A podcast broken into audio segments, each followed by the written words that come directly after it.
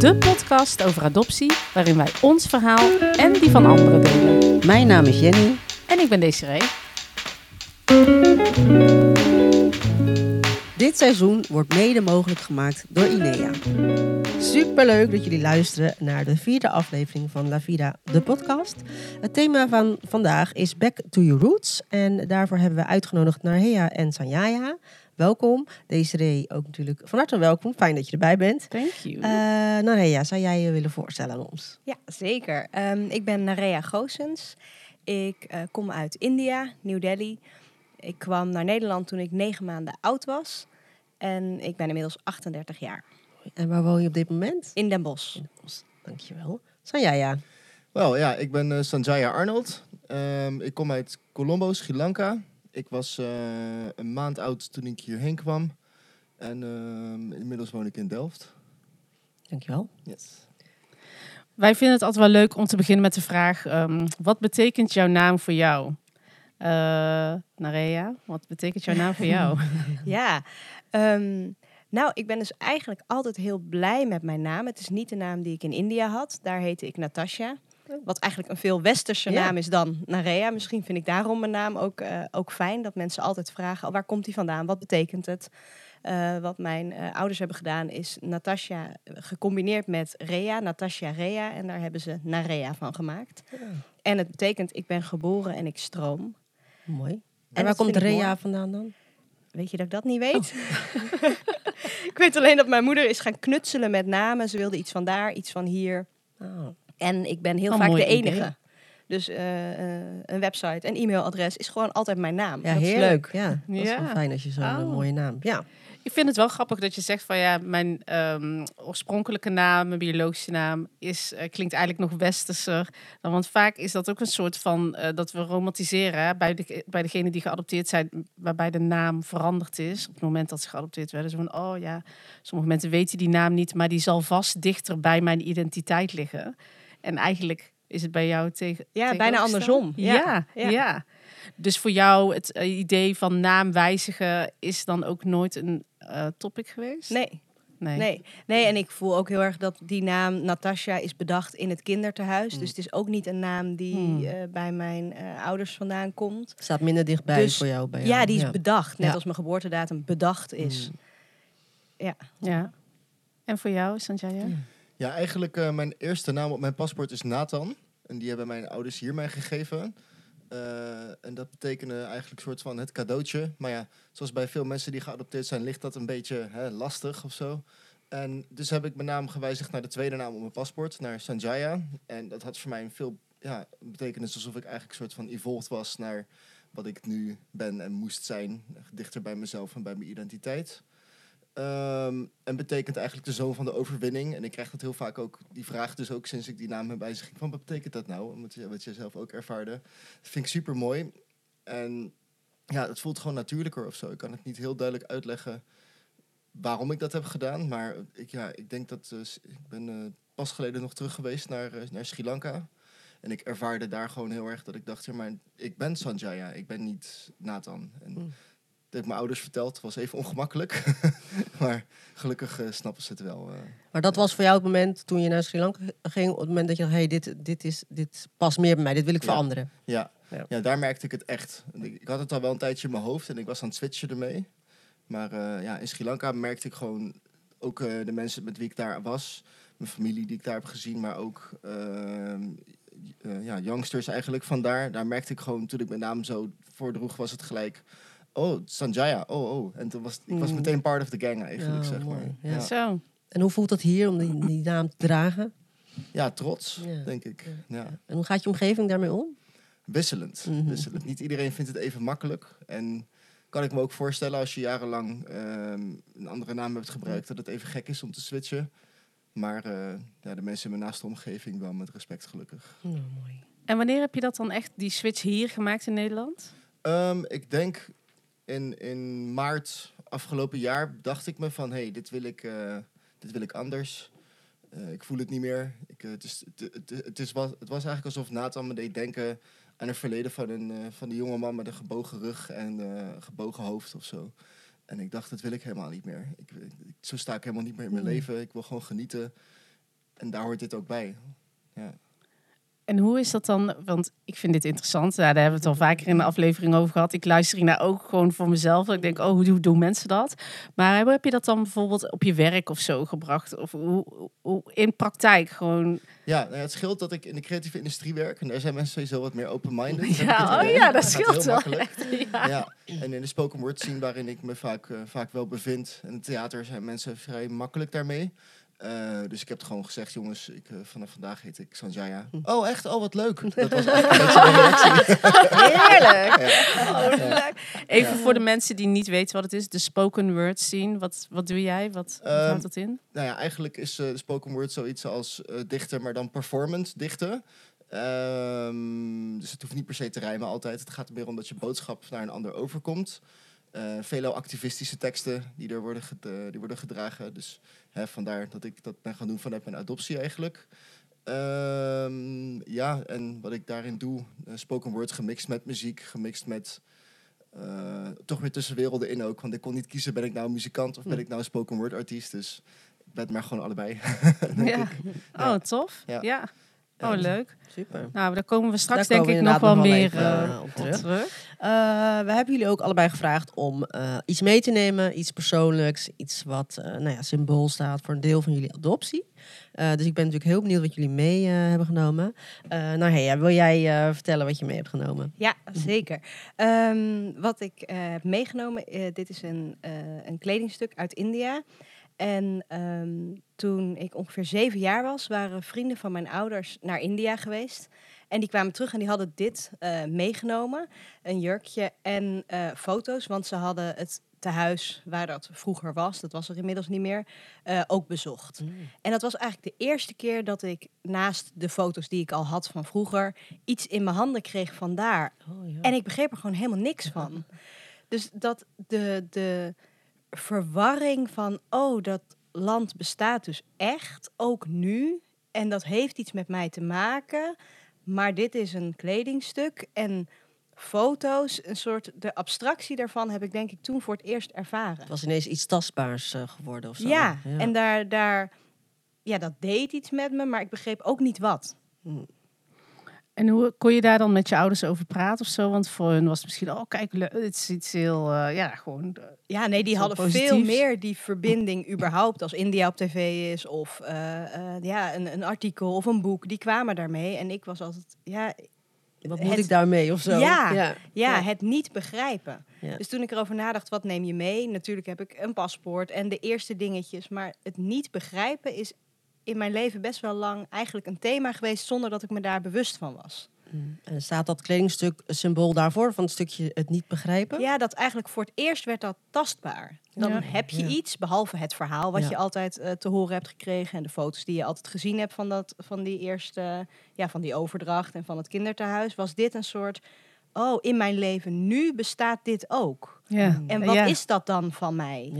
Ja, En ben ik dat dan of niet? Ja. Of ja, dan ben je zeven. ja. dat is Maar eigenlijk snap ik nog steeds dat gevoel. Ja, Ja, herkenbaar. Wel, ja, Een zeker. soort van die andere wereld daar en die moet dan hier, leeft hij hier ook. En ja, Ja, heb je het aangehad ook? ja, ja. Eh, vooral ook voor de foto's. Eh, dus, en, maar ja, ook dan. Oh ja, dit is het dan. Hmm. Dit, dit Hmm. en mijn zusje ook. Dit zijn we dan. Of, Ja, ja, maar ook nee. zo van, wat moet ik hier dan bij voelen of zo? Ja, ja. en, en eh, ja, ver, is eigenlijk verwarring. Verwarring. Mm, Ja. ja. Ja, en dat is wel denk ik ook een herkenbaar thema bij adoptie. Verwarring, ja. Ja, ja.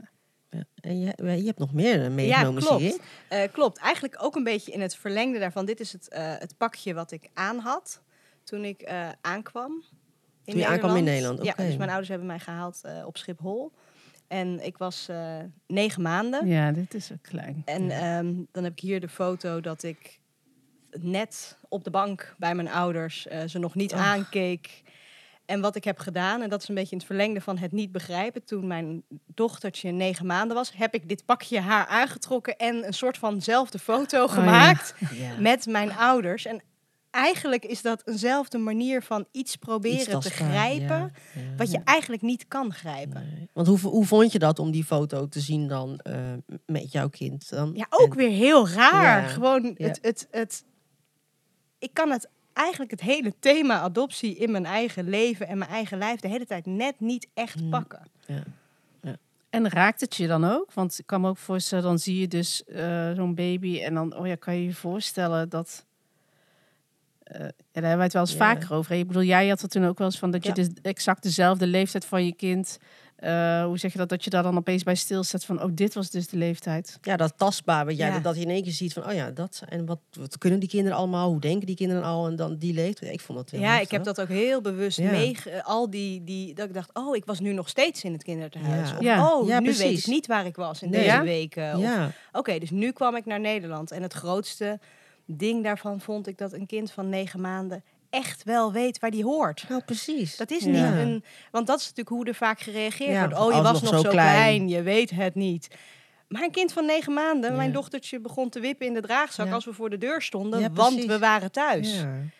En dat was ik dus ook. Ja, ja. Dus daardoor vielen er ook wel stukjes op zijn plek dat ik dacht, oh, maar het is echt heel erg als je dit overkomt. Een soort, Ja, pijnlijke eh, Pijnlijk, ja. confrontatie eigenlijk ook wel.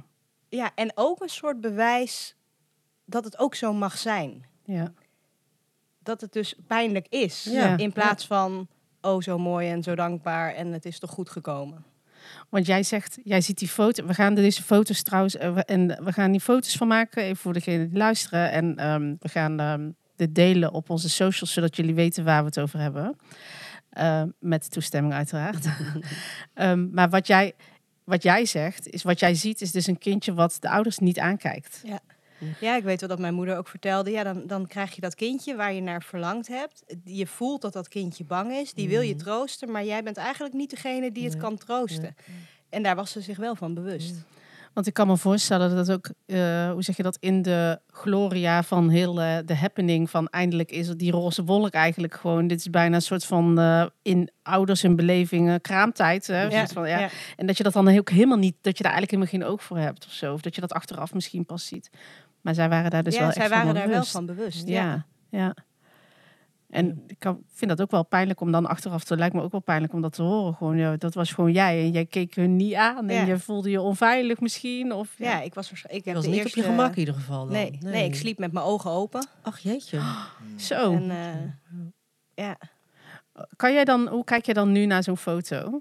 Is dat, eh, wat voor gevoel heb jij daar dan bij? ja, eigenlijk word ik daar heel verdrietig van. Mhm. Want dan denk ik, ja, dat is gewoon een kindje wat net is weggehaald van de plek waar het hoorde. Ja. En ehm, ja, nog even helemaal los van mijn eh, biologische ouders, want dat was ver daarvoor. Ik heb ook al die maanden in dat kinderthuis gezeten. Ja. En daar leer je, leer je kijken, leer je draaien, leer je dingen pakken, leer je die verzorgsters. En dan word je gewoon weggehaald Ja. midden in de nacht door een vreemde. Ja, heel onveilig kan toch niet? Ja. Nee, ja, het dat. gebeurt wel. Ja. Ja. En het gebeurt Ja, wel. En ja. ook nog onder het mom van iets goed. Maar als je op dat dezelfde handelingen het woord eh, kidnapping zou plakken, Mhm. heb je een heel ander Ja, gevoel. En ja. dan gebeurt er precies hetzelfde. Exact hetzelfde. Ja. Ja. ja, dat leg je wel heel mooi uit. Ja. Ja, Ja, confronterend ook, hè? Ja, ja. Had je nog een foto meegenomen? Zie ik dat goed? Ehm, ja, dit is uit het kinderthuis. Ach, ja. En ik merk dat dit soort foto's mij elke keer helpen om ehm, een soort bewijs dat het heeft Dat dit bestaan. zo echt zo dat was, ik heb bestaan Ja. daar. Ja. En eigenlijk kan ik soms worstelen met het feit, ik, ik weet niks van eh, mijn ouders, Mhm. of dus ik ben eh, te vondeling gelegd. Dus ik weet niks. Dus besta ik dan wel? ja. Ben ik geboren? Er, was, er is geen bewijs. Misschien ben ik Nee. niet geboren. ja. ja. Zo'n soort gevoel. En dan zijn Maar dit soort zit dingen. dat daar wel op die oh foto. Ja. Ja, dus dat ben ik. Dus Mhm. ik besta. ja. Ben jij dit eh, kleine pluisje daar? Eh, ja. Oh. En kan je, dat, kan je dat ook voelen? Dat je, dat je, dat je denkt, Ja. oh ja, dat geloof ik, dat ben ik. Voel je dat nou, dan raak ik dus ook weer een beetje in de war. Ja, ja, Wat Ja. misschien ieder mens heeft als hij naar babyfoto's kijkt. Maar met dit natuurlijk zeker. ja. Ja, bij adoptie denk ik dat dat meer is, die verwarring. Omdat je, je ziet, je hebt zo'n foto, maar je hebt niet eh verdere foto's van een paar maanden verder, dan Ja, weer een paar maanden ja. verder. Dat, dat missen wij in, in het geheel. Eh, ja, dus dan heb je alleen dit. En dan volgens de foto's die je hier hebt Ja. eh, bij je ouders. Dus daar zit natuurlijk gewoon een gat. En weet jij, en, en heb je dan ook nog twijfels of jij dit wel bent? Nee.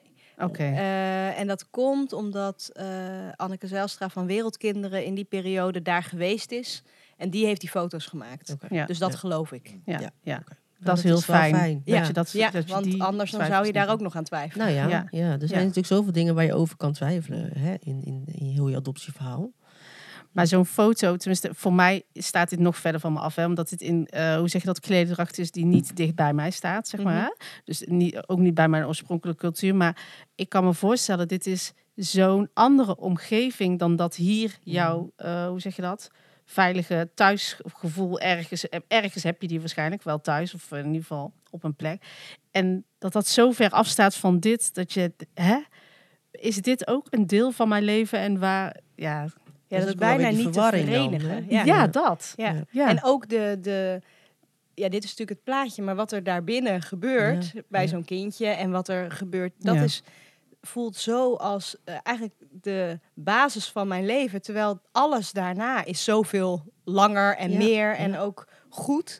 Maar hier heb ik me de hele tijd toe te verhouden. Ja. En je weet niet hoe die negen maanden waren. Nee. Nee. nee. Ja, mooie voorbeelden van uh, waar veel mensen zich denk ik wel in kunnen herkennen. Jazeker. Ja. Dankjewel voor het, uh, voor het delen. Je hebt nog iets volgens Oh mij. ja, ligt er nog Ja, iets? ik had gewoon van. ik weet niet of dit heel spannend is. Dit is het, uh, het document, wat, uh, of een foto van het document. En wat daar vooral. Dit is het fotootje wat mijn ouders opgestuurd kregen. Echt wel een super bang kindje. Die grote ogen. In de Ja. En wat voor document Ja. is dit? Uh, ja, de, de papieren die ik heb, ja, dat is een stapeltje van vijf papieren of zo. En daarin staat vooral unknown, unknown, unknown. En dit is denk ik de basis van mijn paspoort geworden. Mm. Dus hier staat wel een geboortedatum ingevuld. En dat ze die hebben. Wat, wat vind je daarvan? Dat- Want dat zei je net al, dat die geboortedatum, eh, dat, dat, die is ook bedacht, hè, begrijp ik? Ja. Hoe vind je dat? Ja, een, een, dus, andere, dus mensen die niet geadopteerd zijn, haken daar vaak op in. Van, oh ja, dat weet je dus niet. Dus Mhm. dat gebruik ik vaak om het uit te leggen. Maar eigenlijk staat het ja, symbool voor de he- het hele niet weten. Ja. Niet weten waar ik de eerste vier weken van mijn leven ben geweest. Niet weten, ja, niks weten eigenlijk. Ja. En hoe is dat dan als je ogenschijnlijk jarig bent? Ja, vind ik altijd een, altijd een moeilijke dag. Ja. En dat ben ik Ja. ook veel later pas gaan begrijpen dat dat heel logisch is. Ja, tuurlijk, ja. Want ik zeg dan inderdaad, ja, ik weet niet of ik jarig ben, maar het gaat natuurlijk ook over. Ja, wat die verjaardag is het moment dat je geboren bent. En dat moment dat je geboren Ja. bent, is per definitie niet een gelukkig moment geweest. En is het moment geweest waarna de problemen begonnen zijn. En dat je weg moest van degene bij wie je hoorde te zijn. Ja, ja. Wat vier je dan? Ja, dat is een hele goede vraag. Is er valt er iets te vieren dan voor je gevoel, hè? Eigenlijk, eigenlijk is het bijna als ik het nu Een zo- rouwdag. Ja, Ja. eigenlijk wel. Dat kan ik me voorstellen, ja. Ja. ja. bizar. En eh, hoe vi- vier je het nu, je verjaardag? Nou, dat is dus eh, heel ambivalent. dus het is eigenlijk niet echt of een beetje of een. eh, ik vind het met de kinderen dan leuk. Dus dat is iets nieuws. Dat is een. maar voor mezelf, nee, ja, altijd dubbel. Hmm, ja. Ik moet zeggen dat ik mijn verjaardag echt al ook al heel lang niet vier. En dat ik daar nooit echt een reden voor heb. Maar dat ik altijd iets heb van ja, weet je wel, hoeft niet per se of zo. Terwijl ik weet wel dat het echt mijn verjaardag is. Maar nu je dit zo uitspreekt. Soms hoor je dingen en dan denk je, oh, dat is het gevoel wat ik heb. Weet je Mm. wel? Dus eigenlijk hoor ik jou nu dingen zeggen, denk ik, zou dat nou verklaren waarom ik altijd een soort van haat, liefde. Ik, ik ben op 5 december jaar, dus ik ver- verschuil me graag Oh ja, achter het feest voor de kinderen. En hoeft niet voor mij. En Ja. eh, doe maar. En sinds ik contact heb met mijn moeder, dan ehm, vind ik het heel fijn dat zij me een berichtje stuurt. Maar sinds ik contact met haar heb en zij mij berichtjes stuurt, ben ik me ook zo bewust van hoe dat voor haar zou moeten zijn die dag. En dat zij mij dan moet feliciteren. Terwijl dit was echt waarschijnlijk rouw, ook een rouwdag, een van de kutste dagen van haar leven. En nu je dit zo uitschrijft, denk ik, oh, dat zou misschien best wel mijn gevoel kunnen verklaren of zo. En ik heb eigenlijk, terwijl ik eigenlijk als soms mensen zeggen, ja, mijn verjaardag, weet je wel, vieren jullie dat of zo, dan denk ik, met ondergeadopteerden denk ik, ja, wat is daar nou eigenlijk dan zo moeilijk aan? En nu, maar eigenlijk, nu heb je het Ja. uitgesproken, dus dank je wel hiervoor. Er zit eigenlijk een stukje rouw onder dan, hè? Ja, Ja. ja, terwijl dat is zoiets wat je zo tegenovergesteld van hoe wij leer, hebben geleerd, hoe wij zijn opgegroeid met het, met eh, het begrip verjaardag. Ja, het moet een leuke Ja. dag zijn. Iedereen zou Ja, blij moeten dat het zijn. niet eens Ja. een op, dat het niet eens een Ja. optie is om Dat- dat, te denken, om dat anderen te denken. Ja. Ja, of om en dat te voelen, mogen ja. voelen. Nou ja, Mensen zeggen het ook vaak, ja, je kan toch vieren dat je er eh, nu bent of dat je in ons Ja. leven bent. Of...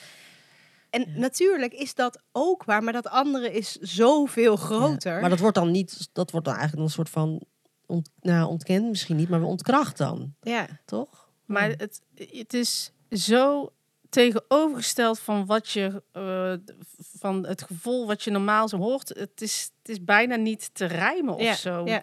Dus ik snap dat, dat mensen dat in eerste instantie echt niet begrijpen. Want begreep het eens. zelf niet precies. eens. Nee, Precies, ja. nee. Nou, jij hebt in ieder geval heel, eh, hele mooie woorden aangegeven. Dus eh, Ja. je wel daarvoor. Ja. Ja. Ja. Ik denk dat het voor heel veel geadopteerden ook dat misschien zo'n momentje, oh ja, Ja, misschien is dat wat ik voel. ja. Eh Sanjaya, Yes. wat heb jij meegenomen? Ik heb een geboorteknuffel meegenomen. Oh, geboorteknuffel. Je geboorteknuffel. Ja, dat is een heel oh, apart verhaal. wauw. Want mijn eh, ouders zijn mij eh, komen halen in Sri Lanka.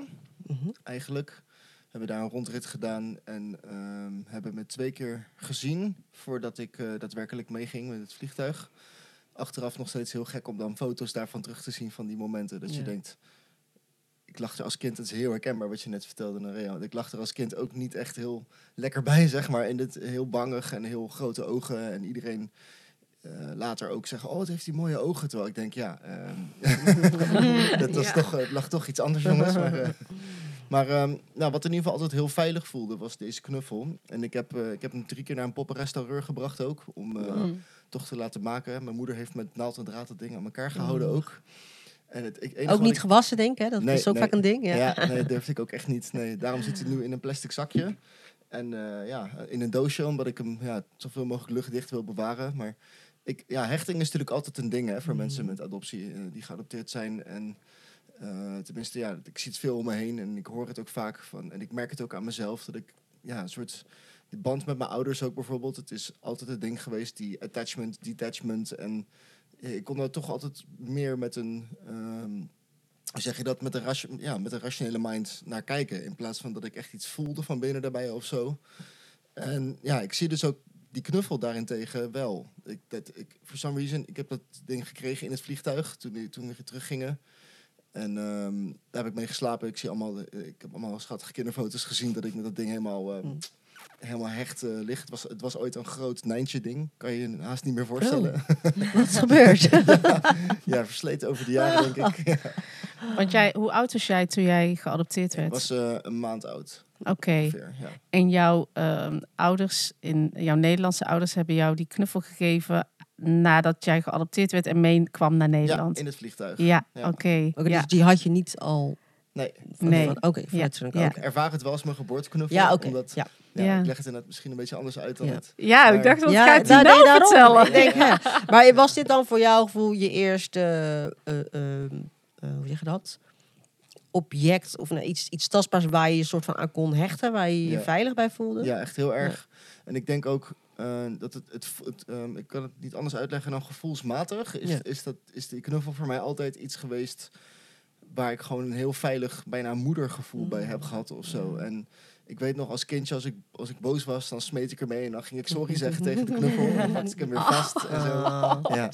Misschien was het ook een stukje dat jij mocht bepalen hoe dan het contact was met, met, met je knuffel. Kan, snap Nu snap dat zo bedoel? zegt, ik denk het wel Ja. eigenlijk. Ja, dat is Ja. wel een eye-opener. Oh. Want ik, ik- ja, ik had er zelf nog niet zo over nagedacht. Ja. Maar ik, ja, ik denk wel dat, het, dat ik zelf dan uit de controle had zonder Ja, dat een ander daar iets over heeft gezegd of zo. Ja. Ja. Ja. En jouw Ja. knuffel heeft geen oordeel, want die kan niet praten. Nee. En niet weglopen. En niet weg. Nee, maar goed, dat is En natuurlijk dus heet heel die? veilig. Ja. Ehm, nee.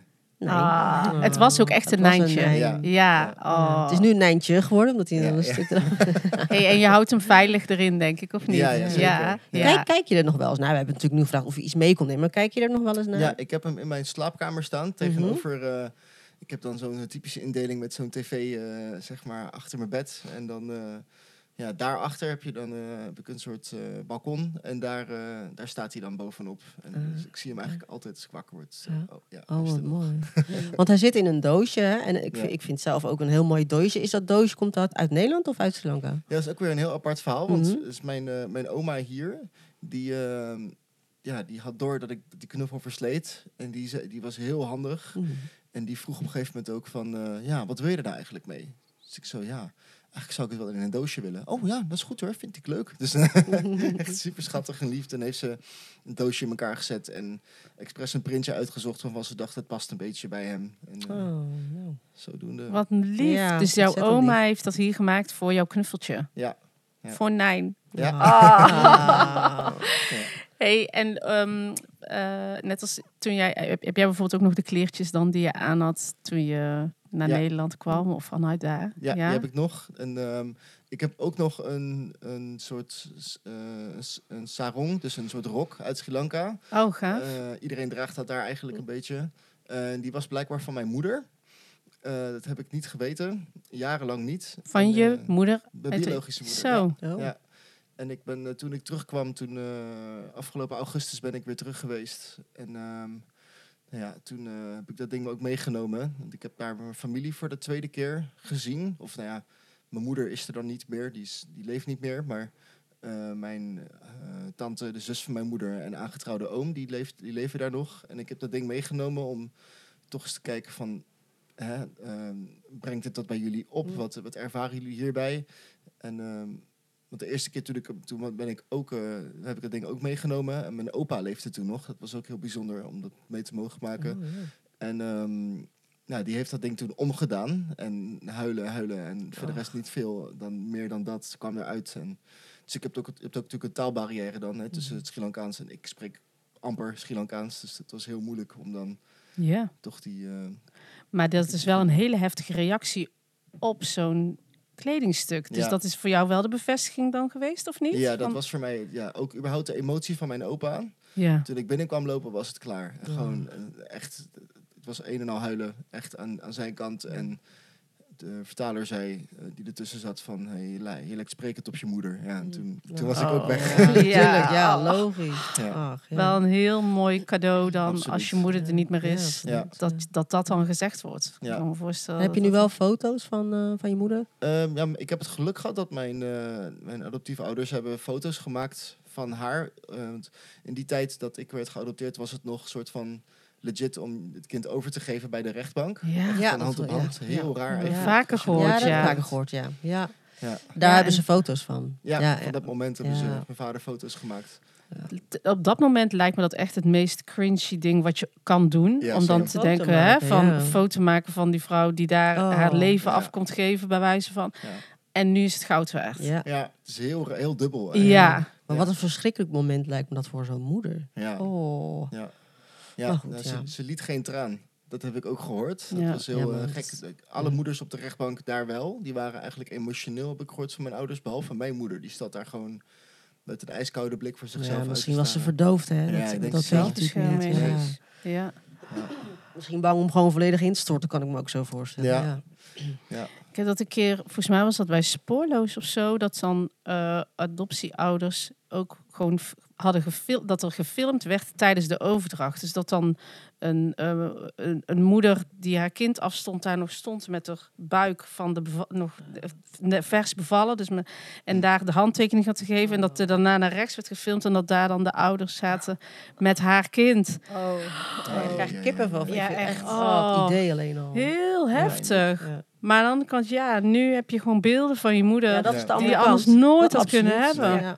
Ja, dat is mijn enige referentiekader ook. Ja. Dat ik een beetje heb. Ik heb ook al gevraagd ook aan, eh, aan mijn oom en mijn tante. Van, hey, hebben jullie iets van beeldmateriaal Ja. of foto's? Of, maar er is helemaal niks. Ja. Dus. Ja. Ja. En jouw verjaardag? Ja, ik, eh, ik heb het idee dat ik jarig ben op die dag. Mhm. Maar ik denk dat het niet meer dan een idee is. En ik vind het ook vaak heel ongemakkelijk ook. Het is heel herkenbaar wat je net ook zei, over- het vieren. En wat je ook zei, Desiree. Het is, ik, ik, het, eh, het is heel gek. Het is Hm. heel, het is heel raar. Ik, er staat wel op mijn paspoort, van, en misschien Lankaans paspoort, dat ik op 16 mei 1991 ben geboren. Maar ja, het, het, het, het voelt... Het klopt niet voor mijn gevoel. En ik kan er niks anders aan ontlenen dan gevoelsmatig klopt het niet. Ja. Heb je het gevraagd aan je familie? Ja, en daar hebben mij niet echt een direct antwoord op gegeven. Hmm. En in de Sri Lankaanse cultuur wil dat zeggen als het ligt of iets onder. Ja. Het Ligt in ieder geval gevoelig dan, Nee, dat. op een of andere manier. Oké. Ja, ja. ja. Maar zouden ze het ook gewoon echt niet meer zeker kunnen weten? Want ik kan me Ja. voorstellen, ik bedoel, de, ja, dat er ook in genoeg landen is het nog steeds niet per se een ding wanneer jij ooit jarig of wanneer je ooit geboren bent. Iedereen op 1 januari. nou ja, dat wordt er dan hier in Nederland van gemaakt, hè, omdat het dan Ja, daar makkelijk niet datum. geregistreerd en ook niet, niet, niet per se een belangrijk moment was of zo. Ja, nee, het zou zeker kunnen dat ze het echt niet meer weten. Maar het zou, ja... Ik, Maar de reactie van hun, dat, dat gaf je een ander gevoel als ik dat jou wel. zo zie. Ja, ja. Ja. klopt. Nou, mooie verhalen al. Zeker. jullie, eh, Ja, we zijn nog niet eens bij de ingebracht. stellingen. Nee, precies. Daar gaan we maar eens mee beginnen. Laten ja? we dat eh, doen, eh, deze. Ja. Ehm, de eerste stelling is: op een creatieve manier uiting geven aan adoptie voelt als een veilige manier om met dit onderwerp bezig te zijn. Misschien even de context. Nou ja, de context. eh, jullie zijn allebei twee creatieve personen. Nou, eh Sanjaya, je hebt al een beetje verteld. eh, of is er nog meer wat je doet? Ja, een heleboel, maar het komt, het komt allemaal neer op, op wat er aan de frontend zit. Dus muziek en spoken word. Ja. Ja. Ja. En eh Narea, wat doe jij? Ja, Op ik eh, werk ook in theater. Dus ik ben theatermaker en ik maak eh, allemaal verschillende voorstellingen. Waaronder eh, documentaire voorstellingen die eh, gemaakt en gespeeld worden door mensen die zelf daadwerkelijk ervaringsdeskundig zijn binnen het thema van de voorstelling. En ook professioneel in het theatervak zitten. Dus dat is niet alleen focus op adoptie, begrijp ik Nee, dat goed? dus, dat, eh, dus dat dit doe ik al twaalf jaar. En de voorstelling over adoptie die we dit jaar hebben gemaakt, dat is dus nu pas. Dat Ja. onderwerp heb ik steeds vermeden. Ja, maar toch de keuze een keer gemaakt om dat te gaan doen. Ja, Eh, hoe was dat, om dat te ja maken? dat was eh, vorig jaar. Toen waren we in Sri Lanka. Oh. Want ik vond India te spannend met mijn gezin. Hmm. En ik wilde wel heel graag een soort van terug naar Azië. En dan was Sri Lanka, de buren, vond ik een veiliger gevoel. Waarom te spannend voor veiligheid of voor jezelf? Ja, allebei. Of eh, eh, voor mezelf, als in, eh, ja, daar gebeurt zoveel. En ik vind India ook echt een heel raar land. Oké. Daar, ja, ja, dat is zo, dat is een andere planeet. En in Sri Lanka heb je ook gewoon strand, wat met kinderen fijn is. Ja. En eh, ik ik vind een soort India light. Ik vond het net wat liever, net wat... Grappig. ik, India vind ik echt niet te doen. Ehm, Want daar was je al een keer eerder wel zelf geweest zonder kinderen? ja, drie keer. Ja, oké. Ja, je nee, dus ik ben daar geweest. Ja, Ja, dus toen ik dit is- 14 ja. was, toen ik 18 was. En eh, ik heb daar eh, twee maanden gewerkt. Dus ik ben daar wel geweest. En ja, dat vond ik gewoon spannend. En dit vond ik behapbaar. En toen voelde ik helemaal aan al mijn zintuigen... Oh, ik ben er weer. En toen dacht ik, ja, misschien is het dan nu toch ook maar eens tijd om dit aan te pakken in theater. en inderdaad, dat is een, een, ja, een veilige manier. Ja? Ja, zo voelt het wel. Ja, Maar niet, ik kan me ook dat het heel confronterend is. ja dat ook. Allebei dus. daar kwam ik dan weer later achter. Oh ja, dat je, oh ja, toch niet zo veilig misschien. Nee, ja, nou Nee. ja, het is natuurlijk wel, het is, als het je professie is, dan ben je ook gewoon aan het Aan werk. ja. Ja. En dan merk ik dat ik heen en weer ga. Dus als we aan het repeteren zijn, dan ben ik wel met mijn thema bezig, Ja. maar ik ben ook aan het repeteren. En de regisseur die is met een acteur aan het werk en dat, dat ben ik aan het doen. Ja, ja, ja. En dan na de voorstelling, als allemaal mensen iets gaan zeggen, dan knalt het de Ja. andere kant op. Misschien is dat het veilige oh. stukje. Dat op het moment dat je dus aan het acteren, of, eh, ja, dan ben je aan het werk. Maar Ja. je bent toch met adoptie bezig. Ja, Misschien is dat precies. En ik moet het onderzoeken. Ja, Dus waar ik eigenlijk niet in wil, de regisseur zei steeds: eh, Je wil er niet in. Je wil er niet in. ik zei: Nee, ja, weet ik veel. maar we moesten erin. En dat is iets anders dan dat je erin moet alleen maar voor jezelf of voor therapie of voor je eigen onderzoek. En dit is, heeft een ander doel. ja, En, je dat, wil ook iets naar buiten brengen. Je Ja. ja. en dat helpt. Maar dat hielp mij. is dan in eerste instantie het doel geweest dat je dit voor een ander deed? Nee, het doel was dat ik vond dat ik iets aan wilde gaan. En dat voor mij theater dan een middel is. Dus het doel was wel voor jezelf? Ja, eigenlijk wel. Ja, Ja. oh, Ja. maar wat Oh, mooi. eigenlijk zeg je wel. Nou ja, uiteindelijk als je een voorstelling maakt, dat doe je natuurlijk omdat je een voorstelling wil maken. En wij willen ook vaak taboes doorbreken en Ja. meer bekendheid. Ja. Dus dat zit er ook allemaal bij. Maar met dit thema was het wel voor mezelf. Ja. Ja. En was dit dan een, eh, voor jou eh, de eerste keer dat je ook zo diep in je eigen adoptieverhaal en gevoelens ging Ja. graven, zeg maar? Ja. Heb je er, want was je er daarvoor ook echt mee bezig?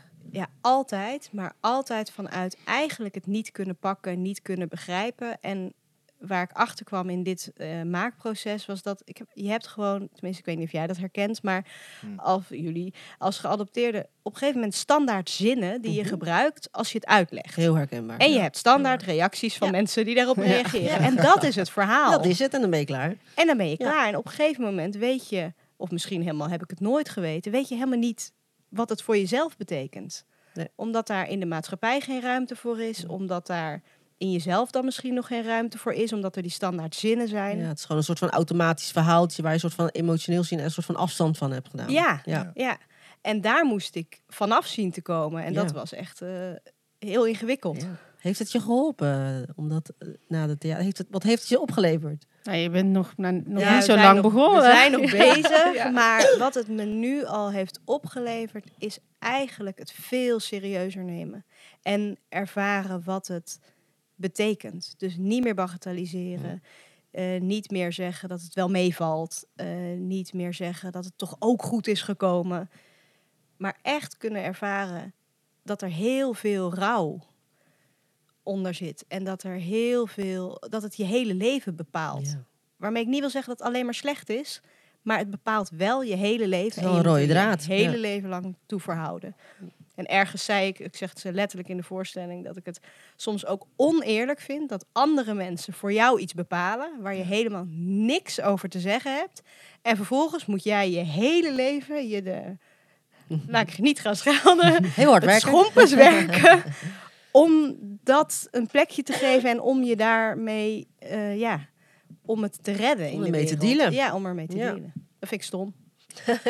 Dat zeg Dat mag je mooi. zeker gezegd worden. Ja, dat is ja, dat, ja mooi gezegd. En daar Ja. kwam ik eigenlijk achter Ja. tijdens het. eh, en dat wist ik al wel, maar dat echt aankijken, ja, dat was nieuw.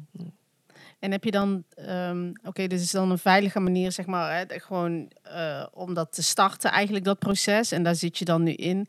En kom je dan ook tot de conclusie dat je daar dan zelf misschien nog meer werk in hebt? Of, uh, ja, het kan ook hele confronterende momenten met zich meebrengen. Dat je denkt, ja, maar oké, dit was eigenlijk niet de bedoeling, want ik ben nu wel gewoon aan het werken, jongens.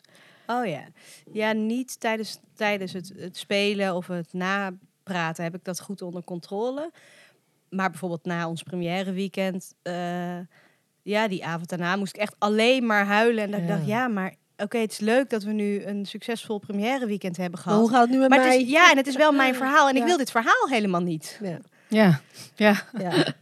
Zit Dat- jij- de- want dat verhaal is niet klaar zodra de gordijnen dichtgaan op het podium. En, eh, Nee, en- jij neemt en- het mee naar huis. En ik vind de gevolgen eh, zo groot. En daar, daar ben ik mijn hele leven al mee bezig. Met hoe doe je dat? Hoe, hoe gaan relaties? Hoe, Ja. nou ja, gewoon, jij noemde net al hechting. Ja, ik vind het een dingetje.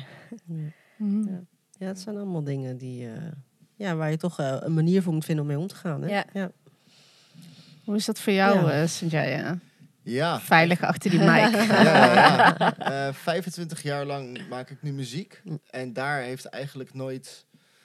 Ja, ik was altijd instrumentalist. Dus dat is heel makkelijk. Ik speelde piano, basgitaar, eh, drums. Op een gegeven moment ben ik beats gaan maken. En eh, ja, dus het- daar heb ik eigenlijk nooit zo die connectie gehad. Maar toen ik drie jaar geleden begon met schrijven... en echt met, eh, met spoken word en theater... toen zat ik in de eerste fase zat ik elke dag huilen tot de bank. echt. Ja. Dat ik echt ineens besefte van ik ben mijn eigen ervaringen aan het rescripten. Eh, hè, ik ben het dus op het pa- papier aan het zetten wat er eigenlijk allemaal gebeurd is. En ik, het eerste waar ik over ging schrijven was intuïtief toch mijn adoptie. Ja. Omdat ik gewoon, ja, ik zag zoveel spoken word om me heen. Die gingen over hè, de authenticiteit en blijven bij jezelf en het dicht bij jezelf zoeken. En toen dacht ik, maar ja, ik zie, ik, er is maar één iemand verder in de spoken word zien die ik dat ook zie doen. En dat is Kevin Groen. Die schrijft ook Oh ja. over zijn adoptie. En dat inspireerde me heel erg. En toen dacht ik, hé, maar dit is dus gewoon ook veilig om het over te kunnen hebben met andere mensen. En dat merkte ik ook heel erg, dat die spoken word scene me echt heeft gedragen. Het is allemaal mensen die elkaar accepteren voor hè, hoe ze zijn. En zonder dat daar een oordeel aan vast wordt gehangen. Ben je, maar ben je dan getriggerd soort van door Kevin van... hey, eh, je zag dat hem doen en dat je dacht... hey, ik heb eigenlijk hier ook behoefte aan... om, Ja. om op een bepaalde manier uiting te geven aan mijn gevoel over adoptie? Ja, heel erg. Want Ja. in eerste instantie toen ik, eh, voor, me- schreef, schreef ik dat voor mezelf. Mhm. om, hè, omdat ik toch door had, het is fijn om te kunnen journalen. En het is fijn om het te kunnen verwerken. Want als je het ineens op een papier ziet, is het confronterend. Ja. En dan heb je, kan je er ruimte aan geven. En dan zie je het ineens helder voor je. En dan is het inderdaad onomstotelijk iets van... hé, hey, maar dit mag er zijn. En dit mag ik voelen. En wat gek dat ik, dat, dat ik daar altijd zo, dat ik zo makkelijk een soort antwoordapparaat over gedacht heb. Want dit, dit is veel breder dan alleen maar, dan alleen maar, ja, ik ben geadopteerd en nu ben ik in Nederland en nu is het allemaal goed of zo, zeg maar. Het, is- er zit zoveel meer dimensie en diepte onder. En dat ben ik echt door schrijven echt gaan uitvinden. Mooi. Ja. Ja, ook mooi dat je zegt van dan staat het er en dan zie je het pas. Ja. Dat herken ik heel erg. Dat als je dan die, die taal ziet die je eigenlijk zelf hebt opgeschreven, Ja, ja. dat je dan pas ziet wat je hebt opgeschreven en wat dat betekent. Ja, dat je misschien ook niet altijd weet hè, dat- wat je in, allemaal in je onderbewuste eh, denkt en voelt. En dan komt het er in één keer uit en dan zie je het in één keer op papier staan. Ja. Ja. Dat was vooral het, het, gekste. Want ik, ik was vroeger best wel een overdenker. En ik, doe alles, Mhm. met- ik deed veel, heel veel dingen met mijn hoofd. En dat voelde veilig, want dan had ik de controle. En ik vraag me toch af, is dat ook niet iets wat ik heb meegenomen vanuit, me, vanuit mijn adoptie? Eh, maar sinds het schrijven ben ik heel veel dingen op intuïtie gaan doen. En op, op gevoel. En dan er komt zoveel boven water wat je in Ja, eerste instantie mooi. niet Ja. aan ziet komen. Ja. En wat levert je, je, je nog meer op om eh ja, spoken word eh, te doen met betrekking tot adoptie dan? Nou ja, ik vind het één heel, ik denk heel helend voor mezelf. Omdat ik toch merk van, ik kan mijn ervaringen rescripten. En wat ik al zei, ik zit huilend op de bank ervan. Maar vervolgens perform ik het wel. En krijg ik een fijne crowdrespons. En het is dan toch fijn om die erkenning te krijgen van, hé, hey, dit mag. Dit, dit kan Ja. er allemaal zijn. Ehm, en ik denk, ja, het heeft me ook gedreven om... ehm, ik ben vroeger wel ook psycholoog geweest, zeg maar. En daar heb ik, ik heb lang in de GGZ gewerkt. En het heeft me toch ook weer gedreven om iets in die richting te gaan doen. Om toch mensen te willen helpen. Eh, maar dan wel op een artistieke manier. De GGZ, ik, het is niet per se mijn pad, zeg maar, om het zo te zeggen. Ik weet niet of ik me daar echt thuis bij kan voelen. Mm. Maar eh, dat toch op een artistieke manier eh, workshops te gaan geven aan mensen die behoefte hebben om eh, een- een pad te vinden waar het nog niet voor hun uitgestippeld was. Oh, ja, eigenlijk. mooi. Ja. Oh, gaaf zo. Ja, heel gaaf. Dat klinkt wel tof. Ja, zeker. Ja. Hey, en eh, deze reden, ik heb het ook wel eens over gehad eh, toen we een podcast gingen maken. En dat hebben we wel vaker over. van, In hoeverre ehm, hou je toch rekening met je ouders of zus, broer als je dingen vertelt? Ja. Hoe is dat voor jou in je spoken word? Dat is een goeie. Ehm, ik heb ze van tevoren verteld. Ehm pap, mam, eh, ik vind jullie heel lief. Ik weet dat in ieder geval. Maar, maar ik ga wel eerlijk zijn met- Ja. over dingen die ik heb ervaren. En dat kan soms een beetje rauw zijn. En misschien herkennen jullie je niet in alles. Dat zou ook kunnen. Ehm, ehm, dan doe maar alsof het geromantiseerd is. Dan valt het misschien nog mee. Alsof het niet over jullie gaat. ja, ja, ja, ja. En ik heb laatst ook een, eh, een, een, mijn moeder in de keuken eens gesprekken. En dat is dan soms heel fijn, één op één. Dan wordt het ineens, gaan we ineens heel diep. En toen had ik ineens de behoefte om een gedicht voor te dragen. En toen zei ik, goh, vind je, vind je het heel erg als ik dit doe? En kan je het hebben? Het is misschien wel wat emotioneel, maar hè, dus kunnen we dat samen dragen? En ehm, ja, toen heb ik dat gedaan. En mijn moeder zei ook van, ja, ik herken me niet in alles. En ik zeg, nee, dat hoeft ook niet. Maar nee. maar dan begrijp je misschien wel wat de lading is voor mij. Ja, en dat het er wel ook mag zijn, wat jij voelt ook wel herkennen, zij zich er niet in. Ja. ja. Ja, en ik moet zeggen, daar zijn ze altijd vrij open in geweest. Alleen, ja, het blijft, het blijft toch, ze ervaren natuurlijk niet hetzelfde als Nee. wij ervaren, zeg maar. Ja. Dus, Ja. Wel heel, dat lijkt me best wel. Vind je dat dan niet spannend om dat dan naar je moeder voor te dragen? Want je weet eigenlijk dus al dat zij bepaalde dingen lastig gaat vinden. ja. Ja, ehm, eigenlijk vond ik dat heel lastig. Maar het moment, ik ik heb in 2021 heb ik een bundel uitgebracht. Ehm, eh, over mijn adoptie. Die ga ik dit jaar weer opnieuw eh, reprinten. Oh, en tof. eh, Hoe heet van doen. Eh, adoptive. Oké. Het is een adaptive, maar dan adoptive. Oh, gaaf. En Ja. kunnen wij die nog ergens vinden? Of we gaan je wachten totdat hij opnieuw uitkomt en Ja. gaan we hem dan delen? Ja. Oké, oké, tof. Ja, ik verwacht ergens in april dat ik hem heb. Oké. Ik ben me er niet op vast, maar rond die tijd. Nou, laat dan, het ons eh, Ja, weten. precies. Ja, Kunnen we het ook voor je delen? Ja, ja. Maar, dus, want je was nog iets aan het Ja, zeggen, want op sorry. het moment van die bundel, eh, toen die uitkwam, ja, ik, heb me, ik heb ze gezegd, joh, er staat een klein bedankje in naar jullie, maar er staat ook heel veel meer aan gevoelens in. Dus eh, als je dat niet wil lezen, dan raad ik je aan die bundel niet te kopen. nou, en binnen de week lag hij op de tafel daar, dat ik dacht, natuurlijk. yep. Ah.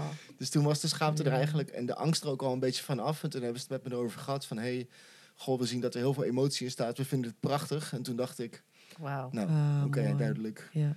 Ja, Dus die support is er echt wel. ja, heel erg. Mooi. Zo fijn. Zo fijn om die te hebben. Gelukkig Ja. hebben wij die ook, eh, hè, deze. Ja. Met, eh, Ja. onze families.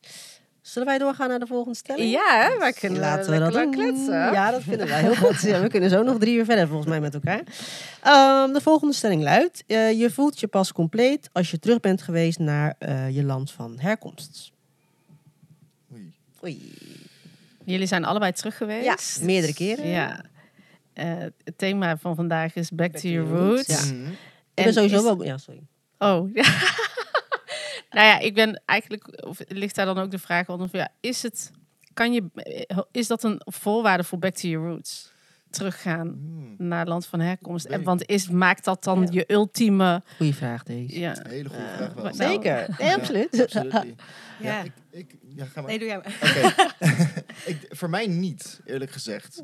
Het heeft, ehm, ik ben nu drie keer terug geweest. Ehm, de eerste keer eh, was het een soort van roetsreis. De tweede keer ging ik ehm, mijn familie ontmoeten. En de derde keer ben ik in mijn eentje gegaan zonder dat mijn eh, ouders hier zijn meegegaan. Eh, en ik moet zeggen, het heeft het eigenlijk in een zekere zin complexer gemaakt. Als in, Hm. maar van de culture shock die ik kreeg toen ik daar was en toen ik hier weer terugkwam, die was immens. En ik moet zeggen dat ik de eerste maanden hier wel depressieve gevoelens heb ervaren toen ik terugkwam. En dat ik echt een beetje verwilderd was van, waar, is al, waar is de natuur? Waar, waar is... Waar is Ja. ja, waar- waarom is het allemaal zo gekaderd en zo ingeperkt? En Want zo? hoe voelde je je daar in, in, in je Heel vrij. Ah. Even, het voor, ik heb een, ehm, een week lang heb ik, eh, in de jungle gezeten. En ik, ik heb het gevoel dat er iets met mijn ouders en jungle is geweest, in Hm. ieder geval. Ik heb daar een nacht per abuis geslapen. Dat was niet helemaal de bedoeling. Hm. Maar eh, met een guide meegegaan naar de jungle. En ja, ik, de volgende ochtend werd ik wakker. We, gingen zoeken naar wilde olifanten op een afstand. En Oh. nou ja, ik word de volgende ochtend wakker in een, in een, in een soort van eh, treehouse. En ik dacht, waar, waar ben ik? Oké, wat chill. ik werd heel relaxed wakker. Ja, en dat moment vergeet ik, ben ik in mijn, ja, in mijn intuïtie nooit meer vergeten toen ik hier terugkwam. Dat, dat blijf ik voelen of zo. En dat blijf ik, Is dat een, een gemis? Ja. ja. ja. maar dat raakte dus ook iets bij jou, bijna iets herkenbaars of zo? Ja, Ja. ja. En dat is, dat is ook weer dat punt dat je dingen herkent of dingen ziet, of maar, maar niemand gaat jou precies vertellen. Je hebt niemand in je omgeving die jou kan vertellen Ja. wat het dan was. Ja. True. Ja. Ja. Ja. ik heb heel erg het gevoel dat het toch, die, eh, dat het toch iets met mijn ouders of met, ja, is geweest. Mm. Ik weet eigenlijk niks van mijn vader af. En het zou zomaar kunnen dat er Ja. iets... eh, Maar eigenlijk is dat dus wel voor jou heel, heel belangrijk. Als je terug, om teruggaan naar je roots, het, het teruggaan naar je land is dus wel heel belangrijk Ja. voor jou geweest. het maakt het wel completer, Ja. zeg maar, denk ik in die zin. Maar of het het echt afmaakt, ik denk dat het, dat het een ongoing... Het geeft ook weer andere vraagtekens en andere, Ja. andere verwarringen. Ja, Ja. ja, ja. herkenbaar.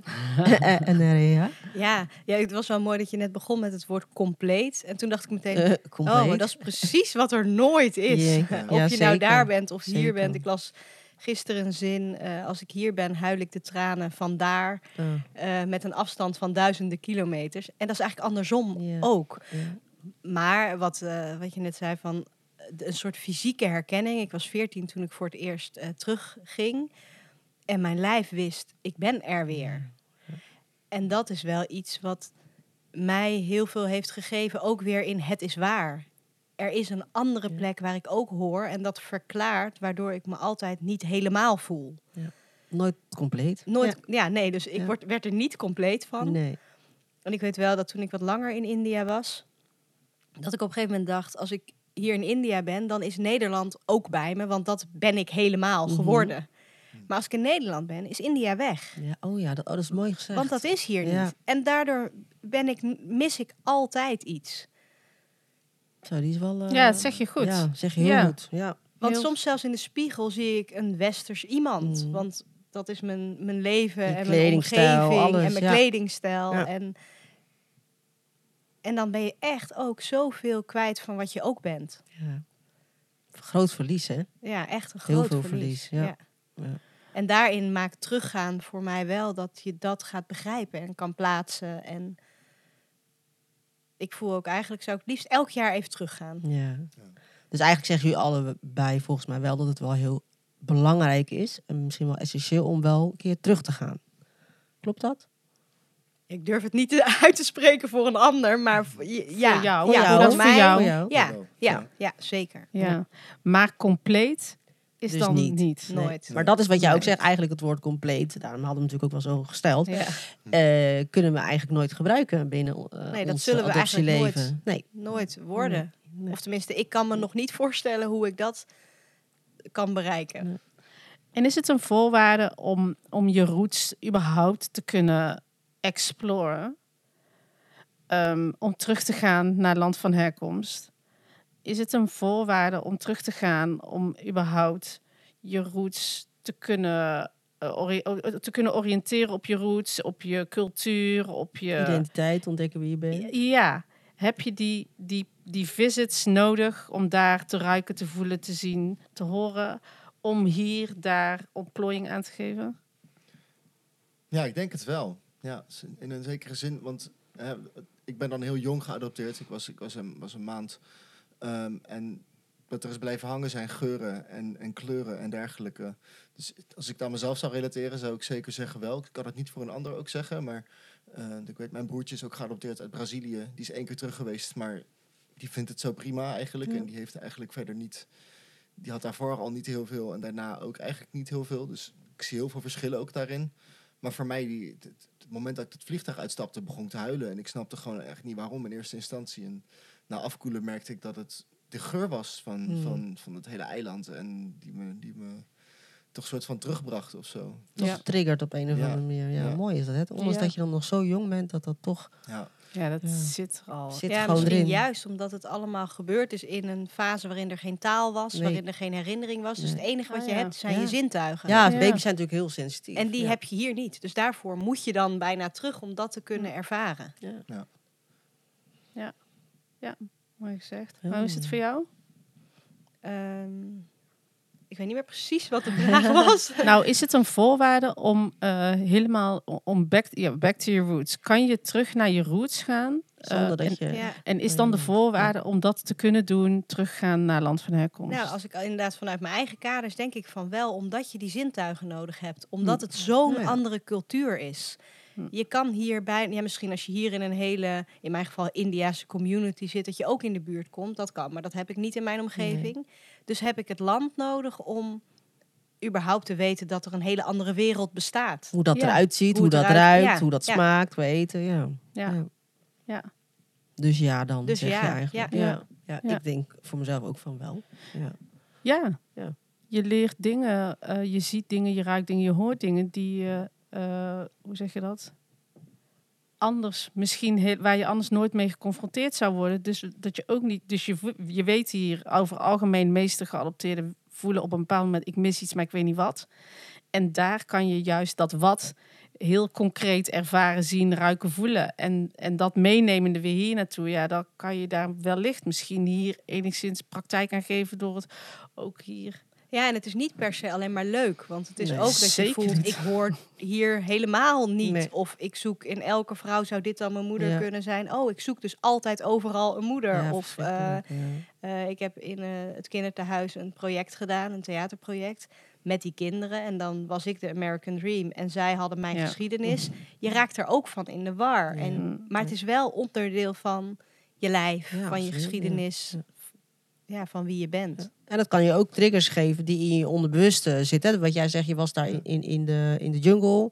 En je voelde ergens van, hé, hey, dit, dit heeft iets, dit heeft iets met mijn ouders gemaakt. Ja, dat had je natuurlijk nooit ervaren als je daar niet, niet was geweest. Nee. Ik bedoel, ik weet niet of het per se alleen maar positief is. Want je krijgt wel weer extra vraagtekens. Dat je Klopt. denkt, eh, wat is dat dan? Maar ergens misschien ook een fijn gevoel. Dat het toch weer een soort van, hé, hey, er is iets. Ja, het is eigenlijk een soort continu een paradox Ja, eigenlijk. Zo ja. zou ik het ook. Zo zou ik heel de, heel de adoptie en alles eromheen Ja. omschrijven. Van, je bent aan de ene kant blij dat je hier bent, maar toch ben je niet blij dat je hier bent. Je bent Ja. boos op je ouders, maar toch niet boos op je ouders. En, Ja. Ja, echt dat. ja. Ja.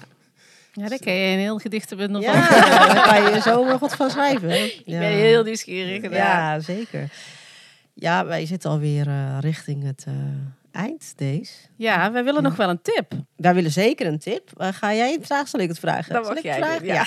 Ja. Eh, nou, in het kader van eh, eh, Back to Your Roots. ehm u bent natuurlijk meerdere keer terug geweest. Hebben jullie een tip als het gaat als je voor het eerste keer teruggaat? Dus niet per se op zoek gaat naar je familie, maar wel voor het eerste keer teruggaat naar je geboorteland. Hoe je je dan enigszins kan voorbereiden? Geestelijk, praktisch. Oei. Oei. Ik, heb niet, ik, mag, mag, ik moet wel even denken. Heb jij meteen oh, een ja, tip? ik heb wel weer. eh, ja, ja, ik zit er nog vrij vers in naar de laatste keer. En toen ik alleen ging. ehm, sowieso, als het land veilig is, als het het toelaat, dan zou ik zeggen: ga alleen. Eh, Oh ja. Dat is echt een dingetje. Want dan heb je niemand aan wie je hoeft te binden. Je kan echt gaan waar jij voor wil gaan. Ehm, daarmee ook een stukje blending. Want als je denk er ook over na, wil ik blenden met de mensen in dat land? Wil ik opvallen? Wil ik niet opvallen? Mhm. Ja, als je ik- met je ouders van hier gaat, dan val je in ieder geval op. 100 procent. Ja. Ja. dus dat is ook echt een dingetje. Dus ja, zoek die, onderzoek die klederdracht ook een beetje daarvan. Hoe, hoe kleden mensen zich en wil ik me daartoe verhouden, ja, Nou of nee? ja, dat je daar een bewuste keuze in maakt. Ja, dat, dat in ieder geval. Ja.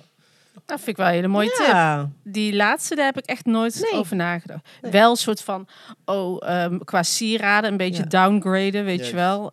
Maar ehm, qua kleding en zo, dat Maar is, voor mij echt pas later omdat in. Colombia dat iets minder eh, specifiek is. Als ik in Medellin kijk, dan, dan denk ik niet meteen, oh, dat daar, snap je ik bedoel? Dat daar een specifieke... Oh ja, ik wil wel. Ja, oh, die zie ik dan minder misschien. Ja? Oh, daar moeten we misschien nog eens een keer over hebben, deze. Maar dan als ik ga ik jou een keer daar laten- ja, oké. in de Ja, dan gaan stijl. we die foto even plaatsen op eh, social media. Maar als ik aan India of Sri Lanka, ja, dan zie ik wel wat meer, heb ik daar wat meer een beeld bij. Snap je Ja maar, ja, maar ik denk dat jij het meer over klederdracht hebt. Ja, maar je oh kan ja. het ook gewoon Ja, over sorry, een ja, bepaalde stijl hebben. Ja, gewoon die oh, die, ja, die, Ja. die zie ik wel. Ja, toch? Ja, zo ga ik inderdaad niet gekleed. Maar ik had inderdaad wat meer over eh kledingdracht dan. Ja, ja. precies. Ja. Ja. Ja, misschien zou mijn tip dan zijn... ehm, ja, neem pen en papier mee. Ga schrijven. Of als je een andere vorm bij je past, een andere vorm. Maar er gebeurt zoveel. En achteraf ook. Ja. Dat je, onthoudt ook niet hele, alles. Nee, Nee. dat je de hele kleine dingen die misschien onbeduidend lijken nog terug kan lezen. Ja. Of dat je jezelf kan volgen. Omdat het bijna te veel is wat er gebeurt. En dat kan je niet allemaal ontrafelen. En als je dan dingen noteert of filmpjes maakt of inspreekt, dan, dan heb je meer ruimte om jezelf in dat proces te volgen. Ik, vind, ik Mooie ga dat tip. doen. Heel Ik ga mooi. dat doen. Goeie. De volgende keer. Nee, echt waar. Ik vind het een hele goede tip. ik heb dat wel gedaan de Ja. eerste keren. En maar ik merkte dus dat ik blokkeerde. Omdat ik ben heel erg gewend van kleins af aan om dagboeken te schrijven. Dus het hele schrijven zit er voor mij echt in. En, eh, of op eh, reisvlogs, weet je wel. Mhm. alles. Maar toen ik mijn moeder voor de eerste keer had gevonden... eh, weet ik, mijn dagboek is echt voor een half... eh, hoe zeg je dat? eh, blaadje geschreven. En daarna weet ik gewoon nog... Het is te veel Ja. ik krijg, het er zit zoveel in mijn hoofd Ja. en ik weet niet hoe ik het. Achteraf gezien had ik ehm, eh, voice memo's in moeten Ja, precies. spreken. Misschien Ja, had dus een andere een manier passender vorm. voor jou. Maar dat was Ja. toen nog helemaal niet Ja. zo eh, dat je telefoon zo geavanceerd was. Dus Ja, en volzinnen zijn dan soms ook bijna te, die, die, die kunnen niet. nee, Maar losse precies. woorden, of inderdaad een inspreken of een, een geen taal hebben en dat noteren of, of tekenen. tekenen of eh, Ja. ik kan me heel goed voorstellen, te veel. Ja, Ja. zegt al zoveel ook Ja, over gewoon. wat er dan gebeurt. Ja, precies. We zijn aan het einde gekomen. Jeetje, ja, dat was hem alweer. Ehm, voordat, we, voordat ik mijn eh, riedeltje ga doen, eh, wil ik nog heel even vragen. Want jullie zijn allebei wel met dingen bezig. Eh, dus wil je nog iets kwijt over waar je mee bezig bent... of waar mensen wat meer informatie over je kunnen vinden... dan is dit jullie moment. Sanjay, ja. Oké. Eén minuut, go. Nee, grapje hoor. ja, ik ben met een EP bezig. Die gaat eh, eigenlijk over mijn zoektocht en de eindeloze zoektocht. Eh, met een conclusie eraan dat we als mensen eh, eigenlijk ehm, één zijn, maar toch heel verschillend. En dat verschil mogen vieren, ondanks al die verschillende origines. En ik picture mezelf daarin in een soort van tussenruimte waarin ik tussen werelden insta. Voor mensen die ado- geadopteerd zijn natuurlijk heel herkenbaar. En die komt dit jaar uit. Ik durf nog niet te zeggen wanneer. Dat hangt van een aantal factoren af. Maar ja. Eh, Tof. Ja, Wij gaan jou taggen, zodat mensen jou in ieder geval via social media kunnen vinden. top. Ja, Ja. super. Ben jij nieuwsgierig naar de spoken word van Sanjaya, die hij voordraagt aan zijn moeder? Deze kan je luisteren na deze aflevering onder de titel Soul Searching van Sanjaya. Maria. Ja, onze voorstelling speelt nog. De voorstelling heet Naar Huis. 24 februari spelen we in Antwerpen, 1 maart in Rotterdam. En vooral ook ons gaan volgen als je denkt, oeh, ik wil die voorstelling zien. We praten daarna altijd na eh, met elkaar. Dus het is ook een mooi moment om te ontmoeten. Eh, en er komen nog veel meer data aan. Heb je een website? sallyandmolly.nl En via de Instagram of de Facebookpagina, ja, als jullie dat ja. taggen, dan Ja, kom je er helemaal goed. Heb Ja. jij nog een website? Eh, alleen een Instagram. Oké, nou dat, dat komt helemaal goed. En heel veel succes nog met alles Ja, wat jullie eh, ja. gaan doen verder. Ja, en heel erg bedankt Ja, dat jullie eh, Ja. hierbij wilden Ja. zijn. Super tof. Ehm, wist je dat wij ook bijeenkomsten organiseren? Echt? Ja, dat Vertel. doen wij. En jullie komen in Den Bosch. Ja, ja we komen in de bos. Ben je erbij? Ja, zeker. Oh, superleuk. Zat jij ja? Wanneer is, wanneer is die in Den Bosch? Nou, hier komen Gaan de we nu data's. Ah, Ehm 8, 8 maart staan we in Den Bosch. Eh 1 juni zijn we in Utrecht. En eh, op dit moment hebben we er al een paar gehad. Eh, dus we zijn al in Amsterdam geweest. En we hebben een etentje gehad in december in Rotterdam. Dus het zou superleuk zijn als we jullie daar zien. En als Tof. je wil komen, als je luistert en denkt... hé, hey, dat wil ik ook. check dan even onze Instagram pagina La Vida de Podcast. Of op Facebook La Vida de Podcast. Je kan ook ons mailen op lavidadepodcast.gmail.com. Ehm en hartstikke bedankt voor het luisteren. super bedankt. En jullie ook nogmaals voor mij Ja. bedankt. Doei. Doei.